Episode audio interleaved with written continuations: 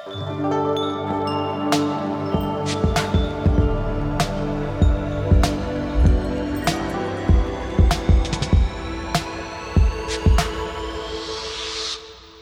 رح نكون عم نحكي عن أي متى بتكون حالة النفسية للشخص عم تشكل خطر على حاله أو على الأشخاص يلي حواليه؟ عادة المرض النفسي أو الصحة النفسية بتخلي الشخص إنه هو يكون في عنده تسبب له مشاكل بحياته اليومية أو بالمدرسة العمل بعلاقاته الشخصية بعلاقاته مع أصدقائه. وبمعظم الحالات أكيد بكون الشخص عم بيكون عم بيتلقى العلاج المناسب الدوائي والعلاج النفسي.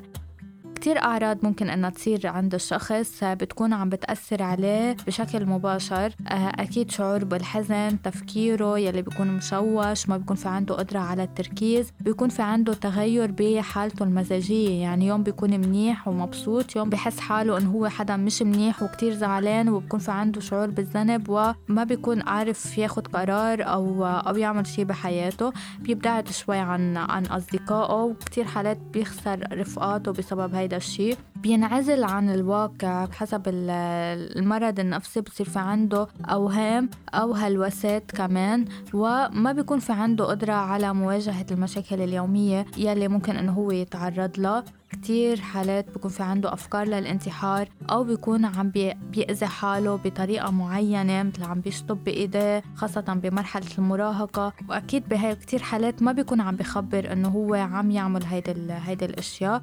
كمان كتير مرات بيكون الشخص عم بيصير في عنده نوبات غضب عدائية شديدة وبيكون عنيف مع الأشخاص الآخرين بشكل إنه ممكن كتير أشخاص يتجنبوه نتيجة نوبات الغضب العنيفة يلي ممكن إنها تصير عنده. كتير حالات ممكن الأعراض النفسية أو المرض النفسي يكون عم بيؤدي لظهور آه، أعراض جسدية عند الشخص يعني بتكون أعراض نفس جسدية. مثلا الشخص بصير في عنده وجع بمعدته بيوجعه ظهره بيوجعه جسمه بصير في عنده صداع براسه كل هيدي الأوجاع يلي هي بتكون مش مبررة طبيا وإنما بيكون السبب نفسي لإلها بالحلقة الجاي رح نكون عم نحكي عن أي متى ممكن تستدعي هيدي الحالة النفسية عند الشخص لتدخل أكبر من المعالج أو الطبيب.